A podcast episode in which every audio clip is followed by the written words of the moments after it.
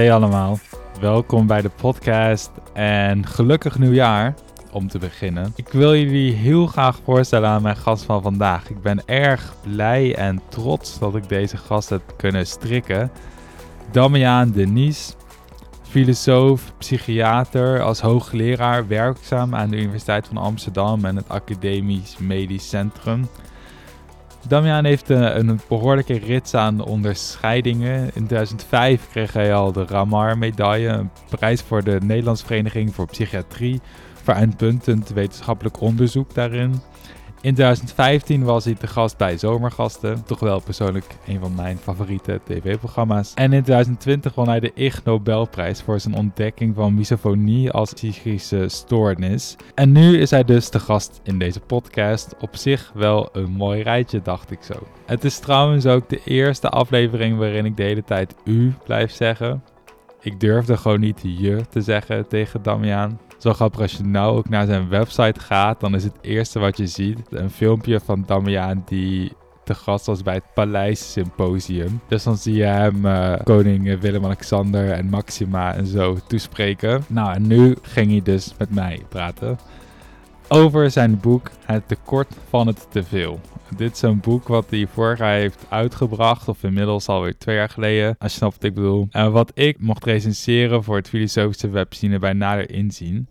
Een super interessant boek dat gaat over de volgende paradox. Hoewel westerse landen al jaren tot de gelukkigste behoren, lijden 4 op de 10 mensen in hun leven aan een psychische stoornis en ondergaan in Nederland jaarlijks een miljoen mensen een behandeling voor psychische klachten. Hoewel we dus steeds rijker aan het worden zijn en eigenlijk alles dus steeds makkelijker gaat en we eigenlijk steeds misschien wel minder reden hebben om, oh ja, om te lijden, zijn toch sinds 1990 psychische klachten wereldwijd met een derde toegenomen. Door de omvang en urgentie van het probleem spreekt men ook wel van een globale mentale crisis, de mental health crisis. Nou, hoe kan dat? De meest voor de hand liggende verklaring is dat er gewoon een groeiend aantal mensen met een psychische stoornis is. Die grote nieuwe aanwas van mensen met uh, schizofrenie of dwangstoornissen of zo zorgt voor capaciteitsproblemen. En vandaar dat je nu al dat gezeik ziet bij de GGZ, de geestelijke gezondheidszorg. Alleen zo'n toename van mensen die dus echt in die zin psychische stoornis hebben, is helemaal niet. De prevalentie van dat soort, vooral genetisch bepaalde ziektes, is stabiel. Dus als er niet meer van dat soort mensen zijn, dus mensen waarvan er de GGZ is, niet meer mensen met psychische stoornissen, hoe kan het dan dat er zoveel gezeik is daarmee? Dat er zulke lange wachtlijsten zijn, dat je zoveel hoort over psychisch lijden, dat, al, dat er dus niet meer psychische stoornissen zijn, maar wel veel meer psychisch lijden. In tijden dat we eigenlijk veel rijker zijn geworden en uh, we eigenlijk een best wel makkelijk leventje hebben. Hoe kan dat? Is er misschien iets in hoe wij als samenleving met psychisch lijden omgaan? Wat is de rol van social media hierin? Dit soort vragen komen in dit hele toffe gesprek aan bod. En ik wens je veel luisterplezier.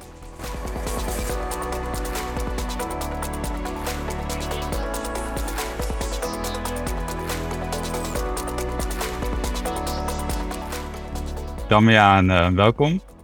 Dankjewel. Ik uh, moest laatst weer um, aan uw boek denken toen uh, een vriendin van mij die zei, nu met corona is het eigenlijk extra onhandig dat die GGZ zo, zo vol zitten.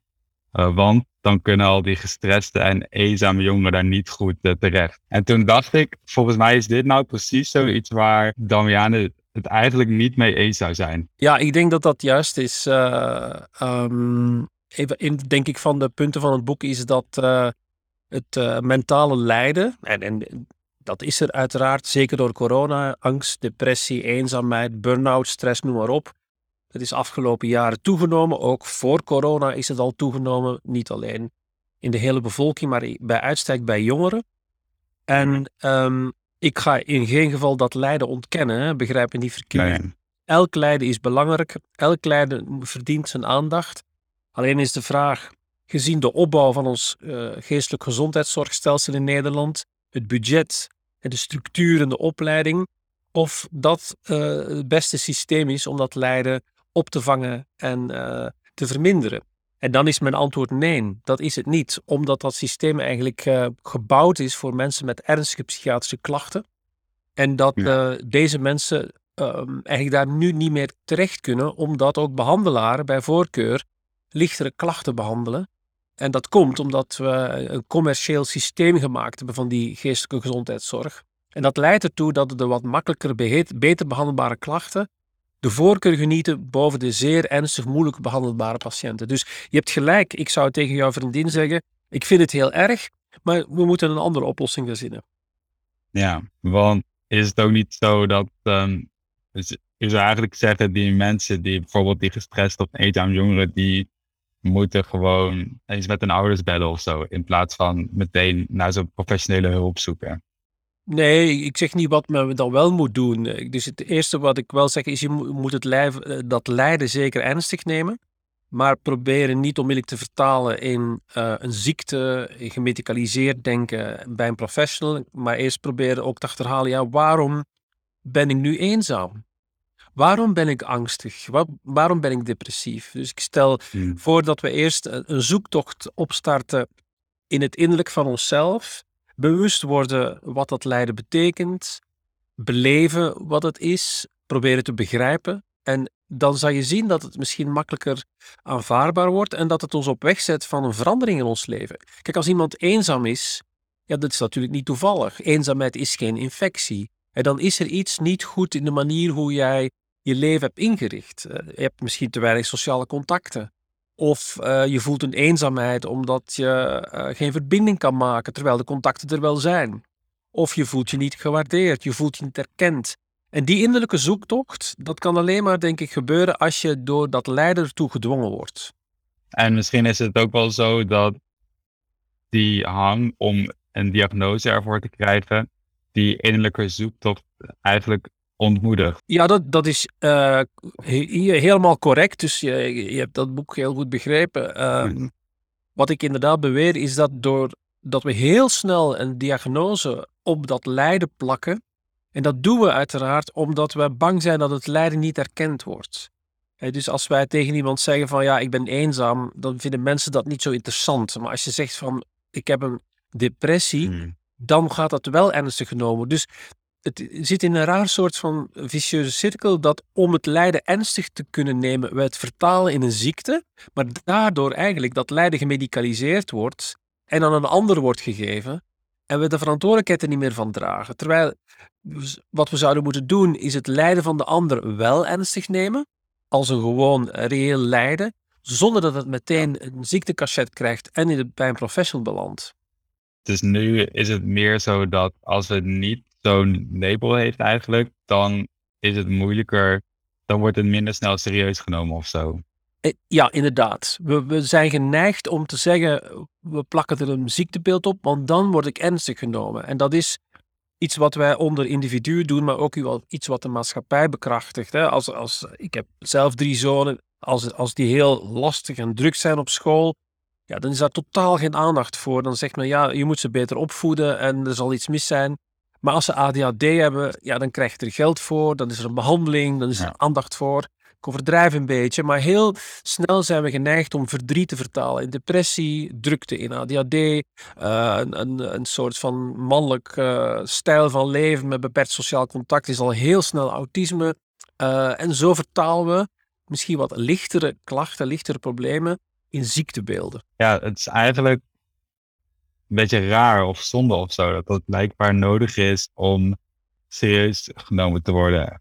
En niet alleen misschien in zo'n context als op school, dat je dan, dan gaan ze er eens naar kijken, weet je wel. Maar al ook in de context van anders is het minder echt of zo. Ja, dat, dus dat is het probleem. Uh, het begint eigenlijk al met het, het feit dat ons. En daarom is dat lijden voor mij heel relatief. Hè? Als je zegt die jongeren last van burn-out, stress, eenzaamheid, akkoord. De vraag is, hoe kan dat dan? Hoe komt dat?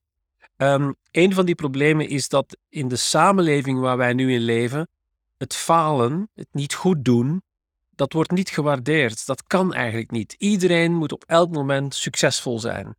Uh, en dat, dat wordt meteen, daar word je op afgerekend. Dat is ook wat mensen voelen. En daar gaat het juist mis. Het feit dat we niet mogen falen, zorgt ervoor dat mensen eigenlijk falen. En bovendien wordt het niet erkend als falen. En daarom moet je het vertalen in een psychische ziekte. En zo kom je in een heel raar soort van cyclus terecht. En wat bedoel je met het woord niet erkend als falen? Het is heel ingewikkeld als je jong bent en, en je, gaat, je gaat een traject in uh, om uh, toe te geven dat je een verkeerde keuze gemaakt hebt, dat je het niet goed gedaan hebt, uh, dat je de studie niet kan afmaken of dat je dit of dat niet kan. Omdat wij in een maatschappij leven waar iedereen succesvol moet zijn, waar we moeten onszelf verwerkelijken. Dus de verwachting die we naar anderen hebben is heel groot. Mensen moeten productief zijn. Je moet sociaal contact moet excellent zijn. Je moet fantastisch kunnen feesten. Je moet een geweldig lichaam hebben. Je moet sportief zijn. Je mag geen ziekte hebben. Dus de eisen die wij stellen aan onszelf en aan anderen zijn eigenlijk ook overeenkomstig de welvaartmaatschappij waar wij leven. Dus we zetten alle mogelijkheden die we hebben onmiddellijk om in de verplichting. En dat maakt dat het leven voor ons, dat we dat eigenlijk heel moeilijk maken. Je moet zo heel veel tegenwoordig. Je moet zo heel veel, omdat zoveel mogelijk kan. Het, is heel interessant dat in een samenleving ja, Nederland behoort tot de vier rijkste landen van de wereld. Daar kan bijna alles. En het alles kunnen vertaalt zich in een alles moeten. En hoe kun je nu klagen dat je niet weet wat je gaat studeren? Er zijn 6000 opleidingen in Nederland. En hoe zou je nu kunnen klagen dat je op vak... En zo verder, en zo verder. En dat maakt uh, het ingewikkeld. En wat erbij komt, uh, is dat uh, door het wegvallen van ja, wat sociale structuren, hiërarchische systemen, een familie is minder belangrijk.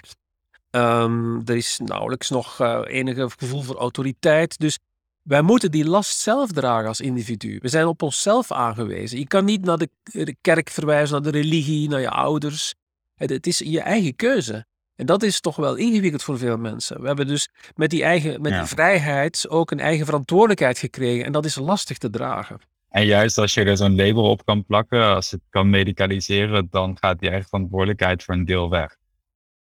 Juist, inderdaad. Als je uh, medicaliseert, dan uh, kan je eigenlijk als het ware aan de ander zeggen: Ja, weet je, het is mijn fout niet. Ik heb een ziekte. En de dokter heeft het gezegd. En uh, ik kan er ook niet aan doen. Ik zal mijn best doen.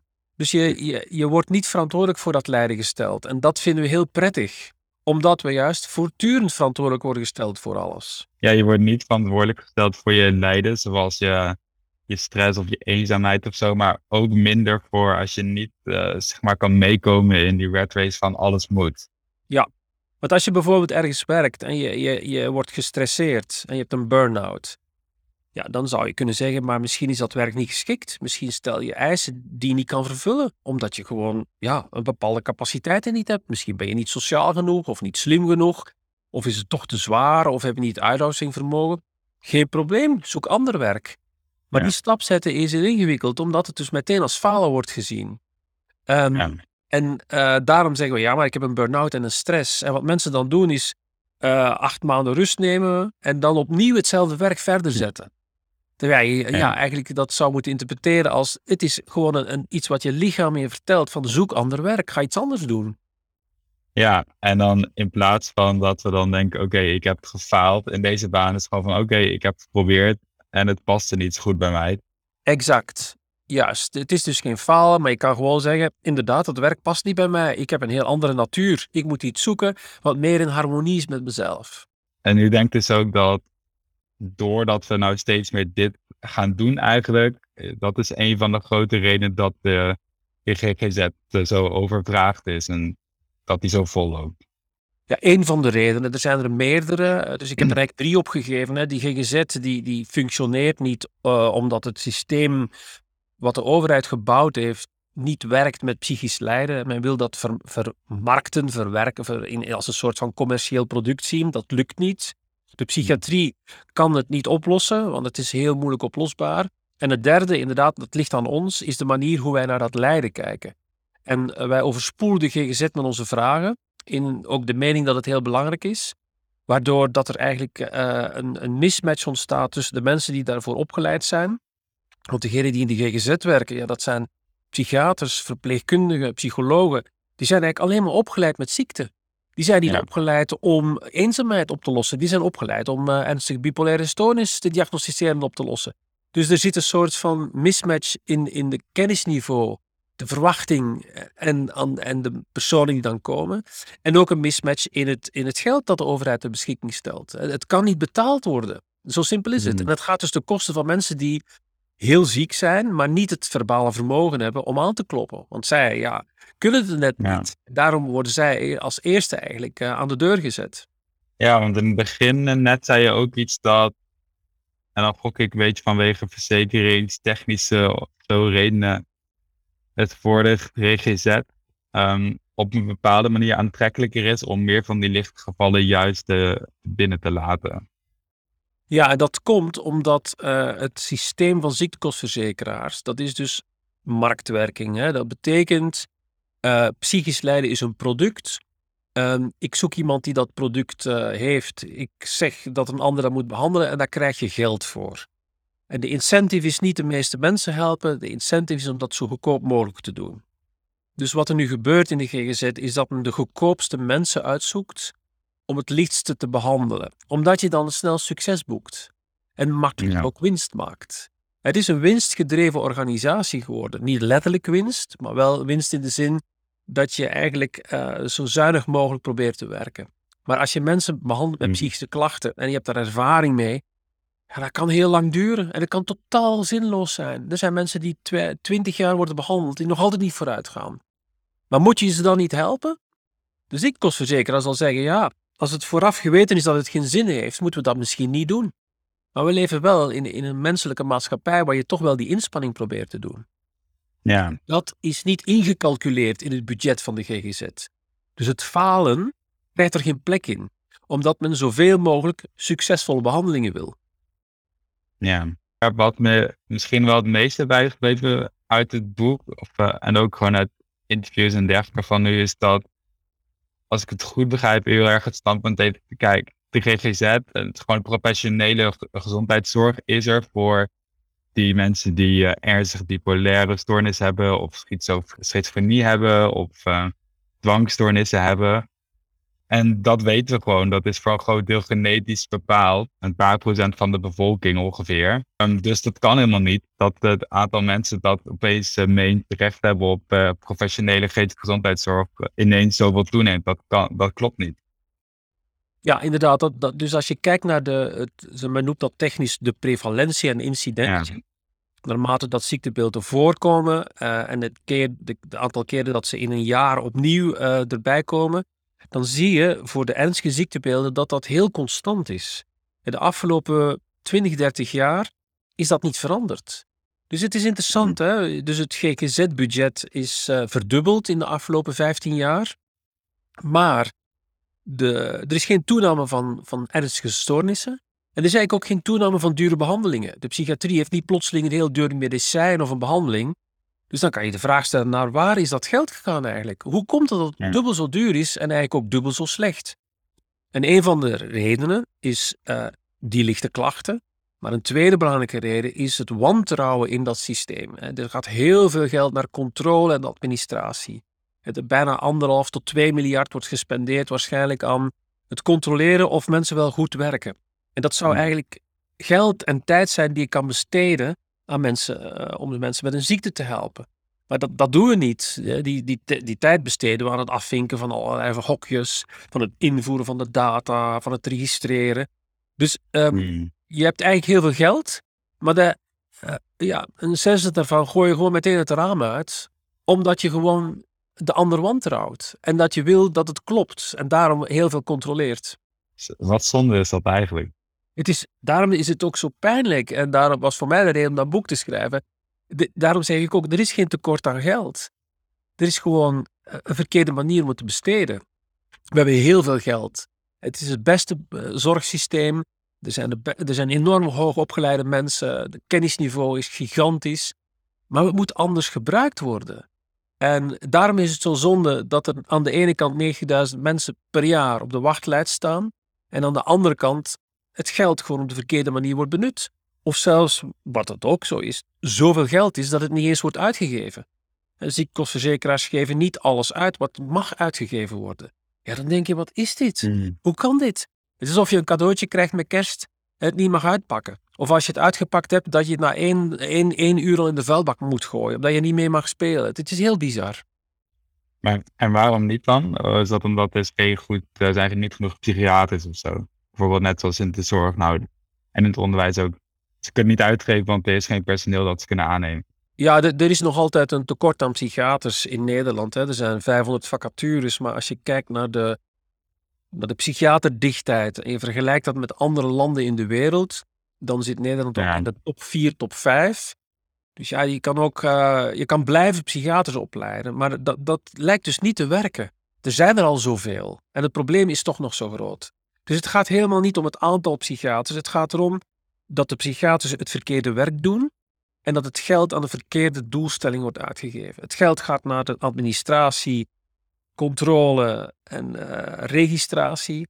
En de psychiaters uh, zitten eigenlijk niet met patiënten te werken, maar worden eigenlijk afgerekend op dat registreren en controleren en zover. Dus dat, wat we eigenlijk doen is een heel dwaas systeem voeden met heel veel geld en dat houdt zichzelf in stand. En we zitten op een punt waar bijna niemand in staat is om dat te stoppen. Dus het is echt een, een, een soort van science fiction uh, onderwerp. Mhm. Waarbij dat uh, ministerie, de behandelaren, iedereen gevangen zit in zichzelf onderhoudend systeem. Ja. En niet het lef heeft om daaraan te ontsnappen. Iedereen wil het anders, maar niemand kan het veranderen. Exact, ja. Want het is interessant. Ik dacht in het begin, men wil dat niet. En toen kwam ik erachter dat uh, VWS, mijn ziektekostenverzekeraar, iedereen wil veranderen, maar niemand kan het nog. En dat is wel heel droevig. Kan alleen maar als iedereen het tegelijk wil en doet. Juist, ja. En als we, en heel belangrijk dat, dat vertrouwen opnieuw installeren. Dus als een ziektekostenverzekeraar van mij zou accepteren dat ik eigenlijk mijn werk goed wil doen en niet wil profiteren, en dan zegt hij, ja weet je, je hoeft niet elke dag anderhalf uur administratie in te voegen. Ik heb liever dat je dat spendeert dan een gesprek met een schizofrene patiënt. Maar daar ben je voor opgeleid. Dus het volstaat met een paar woorden, een paar opmerkingen. Ja, dat zou heel veel veranderen. Want dan zouden die professionals veel meer plezier in hun werk hebben. En dan zou het geld ook besteed worden aan waarvoor ze zijn opgeleid. En zouden patiënten veel beter behandeld worden. Ja. Ja, dit, is, dit zie je volgens mij ook in het um, onderwijs en in de, zeg maar, fysieke zorg precies datzelfde probleem. Ja, ik ben het mee eens. Ik, het is niet iets van de GGZ alleen. Uh, je ziet het in het onderwijs, je ziet het bij de politie. Uh, In heel veel geledingen zie je datzelfde probleem. Van een, een systeem dat gevoed wordt, overregulering, verlies van plezier van professionals die uit het vak stappen, die ontgoocheld zijn en het opeenstapelen van problemen die daardoor uit, daaruit komen. En soms als je daar artikelen over leest of podcasts over luistert, wordt dan heel makkelijk gezegd, ja, dat is allemaal de schuld van het neoliberalisme, want marktwerking. Maar ja, dat kan toch niet, het kan toch niet zo, zo vingerwijs en makkelijk zijn? Nee, ik denk dat dat iets te eenvoudig is. Dus daarom uh, ik heb de schuld neergelegd, uh, althans voor de GGZ, in drie domeinen. Het systeem, hè, waar we het over hebben, dat is dus de marktwerking. Maar ook de professionals, de psychiaters zelf, die ook uh, tekortschieten, denk ik, in de manier hoe ze vak kleden. En ook wij zelf als burger, die dat lijden maar over de schutting gooien. En hetzelfde geldt ook voor het onderwijs. Daar zal ook uh, een schuld liggen die bij verschillende partijen aanwezig is. Maar het is wel zo, denk ik, dat uh, de combinatie van uh, het individualisme aan de ene kant, uh, het succes, onszelf als product manifesteren, de hang naar autonomie, vrijheid, onafhankelijkheid en, maakbaarheid, en de beschikking over heel veel geld, met ook dat fundamentele wantrouwen in elkaar, die, die hele cocktail zorgt ervoor dat we hier in zijn. Uh, en dat is ingewikkeld, want het gaat om een individuele en een samenlevingscomponent. Het gaat om een bepaalde ideologie. Uh, dus het is niet alleen de marktwerking, maar, ik denk dat de marktwerking wel een belangrijk onderdeel ervan uitmaakt. Ja, en ook wat je net zei over hoe wij dat zelf zien. Want ook uh, even terug naar die opmerking waarmee we dit gesprek begonnen. Van oké, ja, die mensen zijn gestrest en eenzaam, dus ze moeten ergens terecht kunnen voor hulp. En dan tegenover je standpunt van nee, die hulp is alleen voor mensen die echt uh, schizofrenie hebben of zoiets. Ik merk in ieder geval in mijn omgeving, ook een beetje ter voorbereiding dit gesprek, dat, die, dat veel mensen dat niet eens meer realiseren. Dat gewoon professionele mentale gezondheidszorg vooral of alleen maar voor die mensen is. En dat die gedachtenstap, zeg maar, van oh ja, die, die daar is mensen, die, die zijn gestrest, die moeten ook bij de GGZ terecht kunnen. Dat dat voor dat um, best veel mensen dat gevoel hebben in ieder geval. Ja, ik, ik vind het interessant dat, je die observatie, ik denk dat ze heel juist is. We hebben dat, uh, dat is, ja, ik vind het heel boeiend dat dat, dat, dat, dat een verrassing is van, hè, dat systeem is eigenlijk gebouwd voor mensen met psychische stoornissen ernstige groep. Uh, en dat, dat bewijst dat, dat in onze mentaliteit, in ons kijken naar ons eigen mentaal lijden en de verwachting dat de overheid het al een vanzelfsprekendheid is geworden dat ja. iemand voor ons klaar staat. Um, maar dat, dat is wel uh, discrepant met, denk ik, 40, 50 jaar geleden. En dan zouden mensen enorm terugdeinzen om naar een psychiater te gaan. Die zeggen, hé, hey, ben je ja. gek? Heel, helemaal niet. Dan hing men zich nog vast aan een bepaalde normaliteit. Uh, maar dat, die, dat is, die drempel, dat is helemaal verdwenen. Daarom is het zo makkelijk en zo toegankelijk. Het is ook, als je niet iets van een diagnose hebt, dan val je een beetje tussen, tussen wel en schip. Want stel je hebt wel iets van behoefte aan iets van hulp, zeg maar professioneel-achtige hulp. Maar dan bij een psycholoog, uh, dus niet bij een psychiater, maar dan wordt het vaak niet vergoed door de zorgverzekering. Ja, is het lastig dat, dat is ook zo. Maar aan de andere kant stel ik me dan de vraag: ja, hebben wij daar dan niet wat geld voor over voor onze mentale gezondheid? dus als je mhm. kijkt uh, uh, hoe makkelijk wij geld uitgeven aan alcohol en uh, weet ik veel, en af en toe eens een pilletje en een bioscoop en een Netflix, weet ik veel. Is er iets verkeerd om, om 500 euro per jaar uit te geven aan je mentale gezondheid? Hmm. Waarom ja. niet? Ja. Ik bedoel, we, we, gaan naar sportscholen, we hebben abonnementen om ons lichaam te verzorgen. Er worden miljarden uitgegeven aan schoonheidsproducten, aan gezondheidsproducten, aan, aan weet ik veel. Waarom zou je niet voor je mentale zielenheil wat geld kunnen over hebben? Dat, dat is ook bizar. Ja. ja, dat is wel interessant eigenlijk. En mijn eerste gedachte is, maar dan krijg je dat mensen dat um, raar vinden of zich misschien daarvoor schamen, tenzij ze dus een diagnose hebben. Ja, maar dat is ook interessant. De, de, ambivalentie van onze samenleving vind ik. Aan de ene kant willen we geholpen worden door een professional. En dat kan als we een ziekte krijgen. Maar zodra we dus in die sector zitten, mij een psychiater met een ziekte, zeggen we meteen ook, ja maar hallo, ik ben geen patiënt, ik ben een cliënt. en uh, ik heb niet zo'n ja. klacht. Dus wat we doen is eigenlijk twee dingen. We willen eigenlijk in die sector terechtkomen en dat moet betaald worden door de overheid, want ik heb er recht op. Maar aan de andere kant, als we erin zitten, dan willen we niet deel uitmaken van die gekke club. En, hm. en die ambivalente attitude maakt het zeer ingewikkeld, uiteraard. Dat lijkt me ook best frustrerend om uh, mee te moeten werken. Dat is heel frustrerend. Uh, en het, wat ik zie, ik, ik werk nu uh, bijna 25 jaar uh, in dit vak, is dat, dat de, de diagnose van de mensen met ernstige psychische klachten dat dat steeds slechter gaat. Dat dat steeds slechter wordt gesteld. Er is een toenemende mate van mensen die gewoon verkeerde diagnose krijgen, slecht behandeld worden, omdat de kennis ontbreekt. Uh, en omdat ja, die mensen een beetje tussen wal en schip vallen. Dus het heeft echt een heel negatief effect op uh, de psychische gesteldheid van de mensen die echt heel ziek zijn. Hmm. En uh, hoe komt dat dan, denk u? denkt u? Dat, dat komt deels, denk ik, omdat inderdaad ook bepaalde instanties omwille van de prijs en de kostprijs liefst de, de minst opgeleide op inzetten voor diagnose en behandeling. Dit is ook een andere soort van paradox. Hè. In Nederland wordt miljoenen betaald om psychiaters op te leiden en, en klinisch psychologen. Die hebben een hele lange opleiding, die zijn uitstekend opgeleid. Maar vaak kom je als persoon terecht bij iemand die net van de schoolbanken komt, een basispsycholoog, omdat die heel weinig kost. Of bij een ervaringsdeskundige, iemand die nauwelijks een opleiding heeft gehad.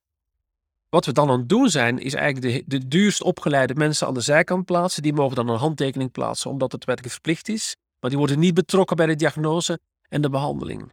En de laagst opgeleide wordt ingezet omwille van financiële redenen.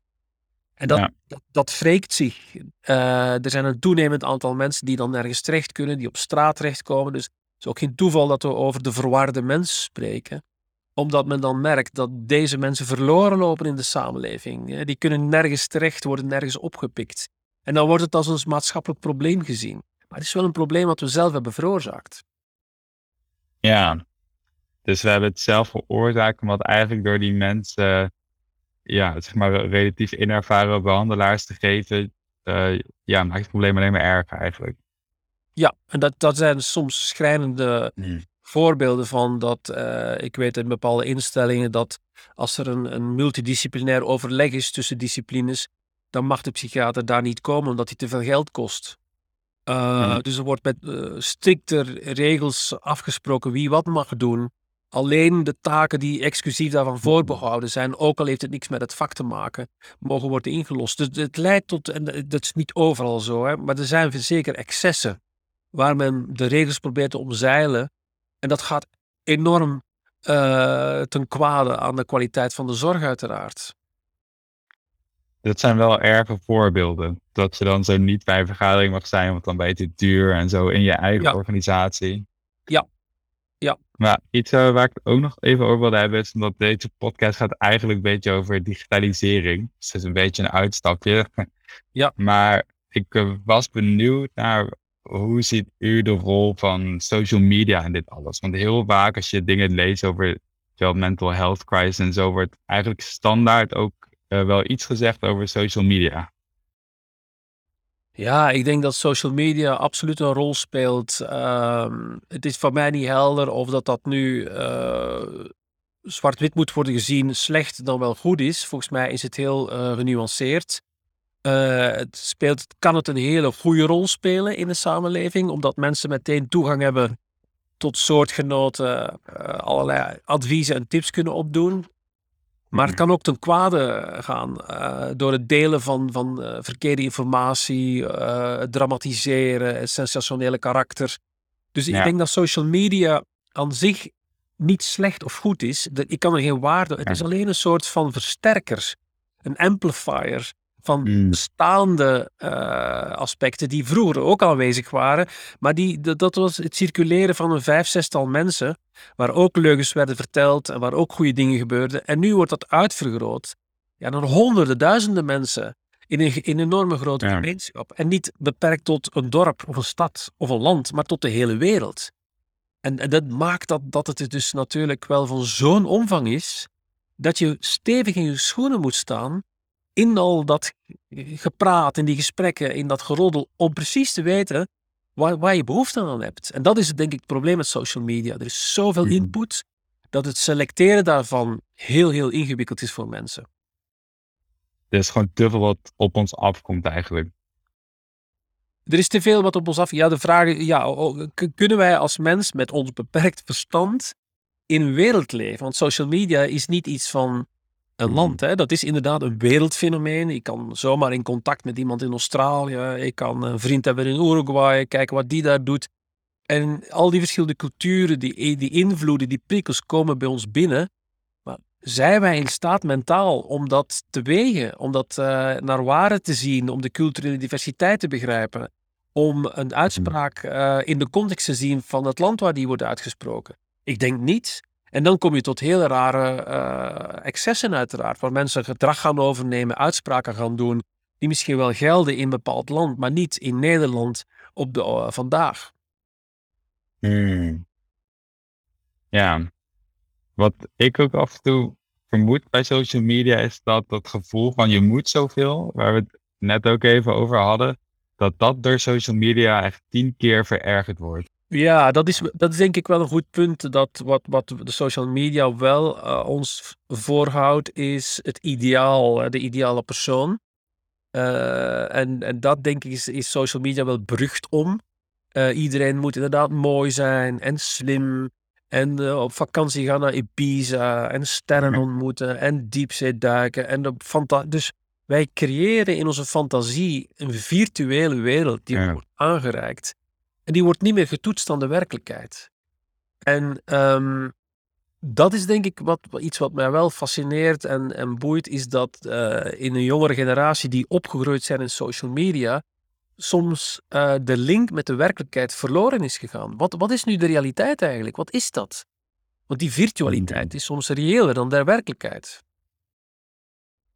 Kunt u, uh, wat bedoelt u precies met hoe die link verloren is gegaan?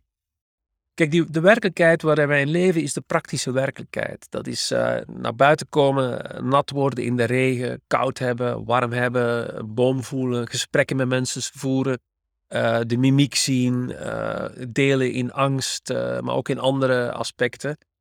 Als je kijkt naar onze generatie, jonge kinderen die spenderen, denk ik, tussen de vier à zes uur per dag voor een beeldscherm.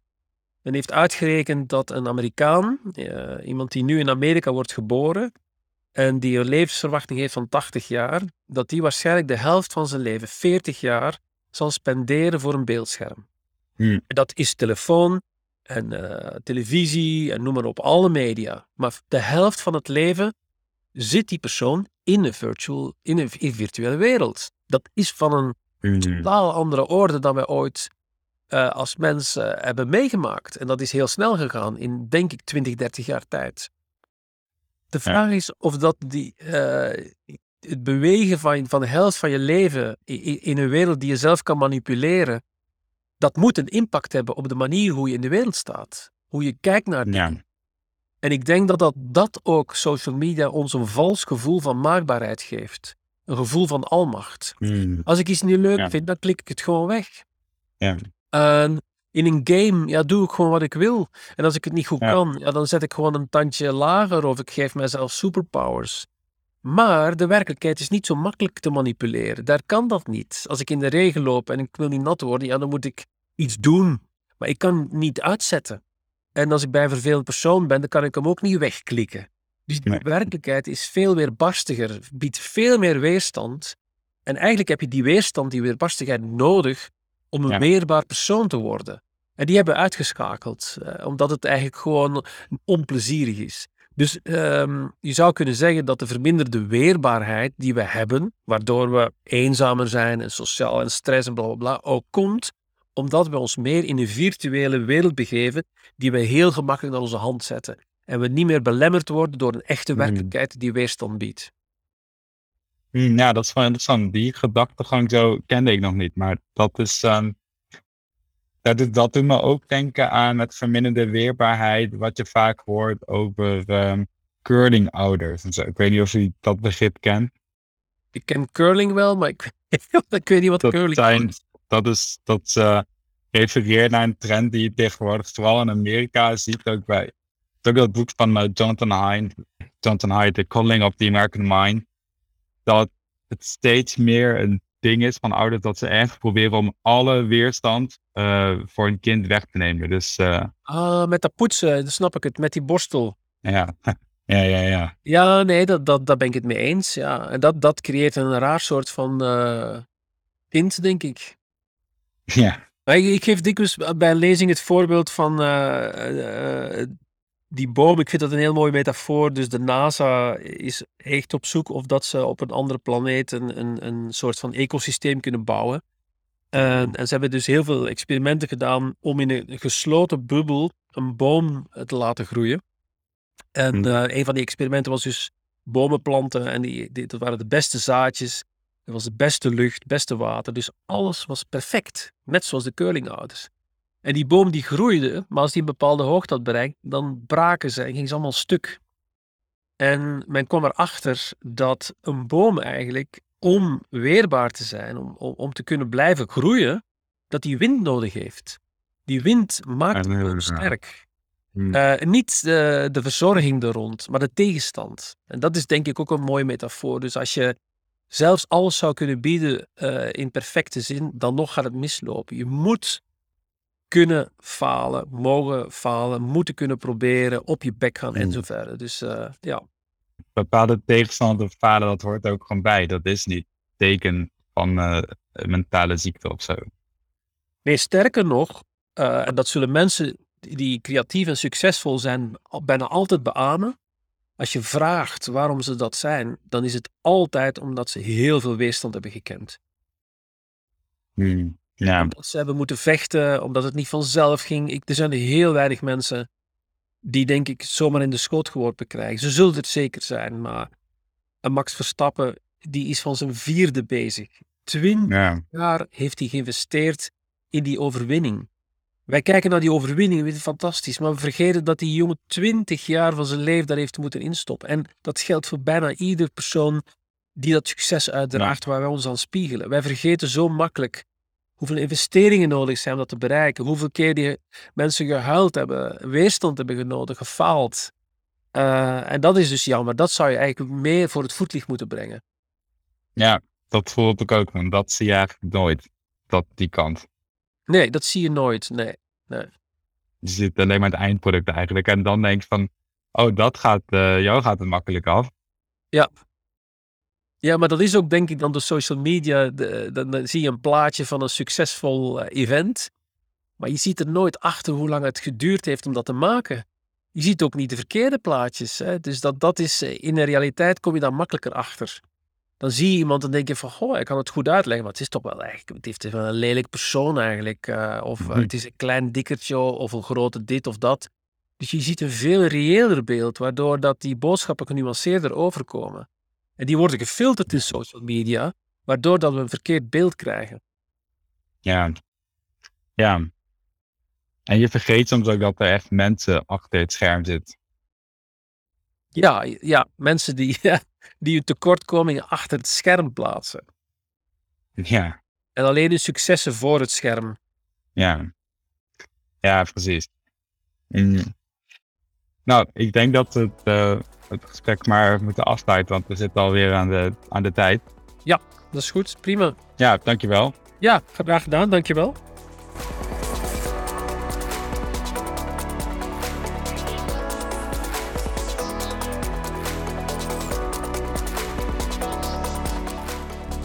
Het eerste wat ik wil zeggen aan het einde van dit gesprek is sorry voor de geluidskwaliteit van mijn stem tijdens dit gesprek. Je kan het ook horen aan het verschil nu eh, en de intro vergeleken met tijdens het gesprek. Ik denk dat er ergens iets mis is geg- is gegaan met de microfooninstellingen. Dus dat is eh, jammer.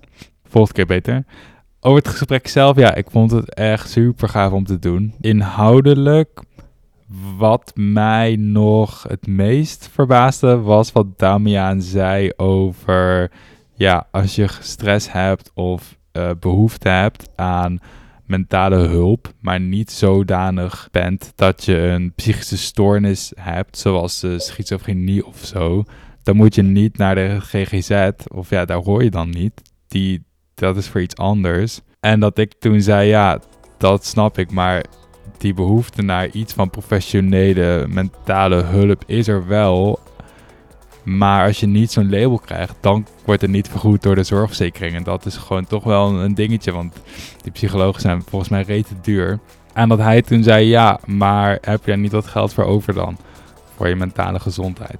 Dat vond ik eh, nog het meest interessant. En het blijft mooi hoe goed Damian dat kan uitleggen. Van de problemen komen door heel veel dingen. Niet alleen maar marktwerking is wel een groot deel. Administratie is een heel groot deel. Hoe wij als samenleving met psychisch lijden omgaan. Dus die reflex van, oh, gestreste jongeren moeten maar naar de GGZ, weet je wel. Dat is een deel. Ik heb daar be- bewondering voor. Dat soort denkers die niet zo heel makkelijk zeggen: ja, eh, neoliberalisme is gewoon heel kut en daar komt het door. Maar die goed meerdere facetten van het probleem genuanceerd erin houden, zeg maar. Ik ben benieuwd wat jullie ervan vonden. Laat maar iets weten. Je kan me vinden op Twitter, Maarten van Doorn. En anders spreek ik jullie sowieso over twee weken weer. En wens ik jullie nogmaals een gelukkig nieuwjaar en een fijne start van je nieuwe jaar. Maar met het luisteren van deze podcast heb je dat al wel bereikt.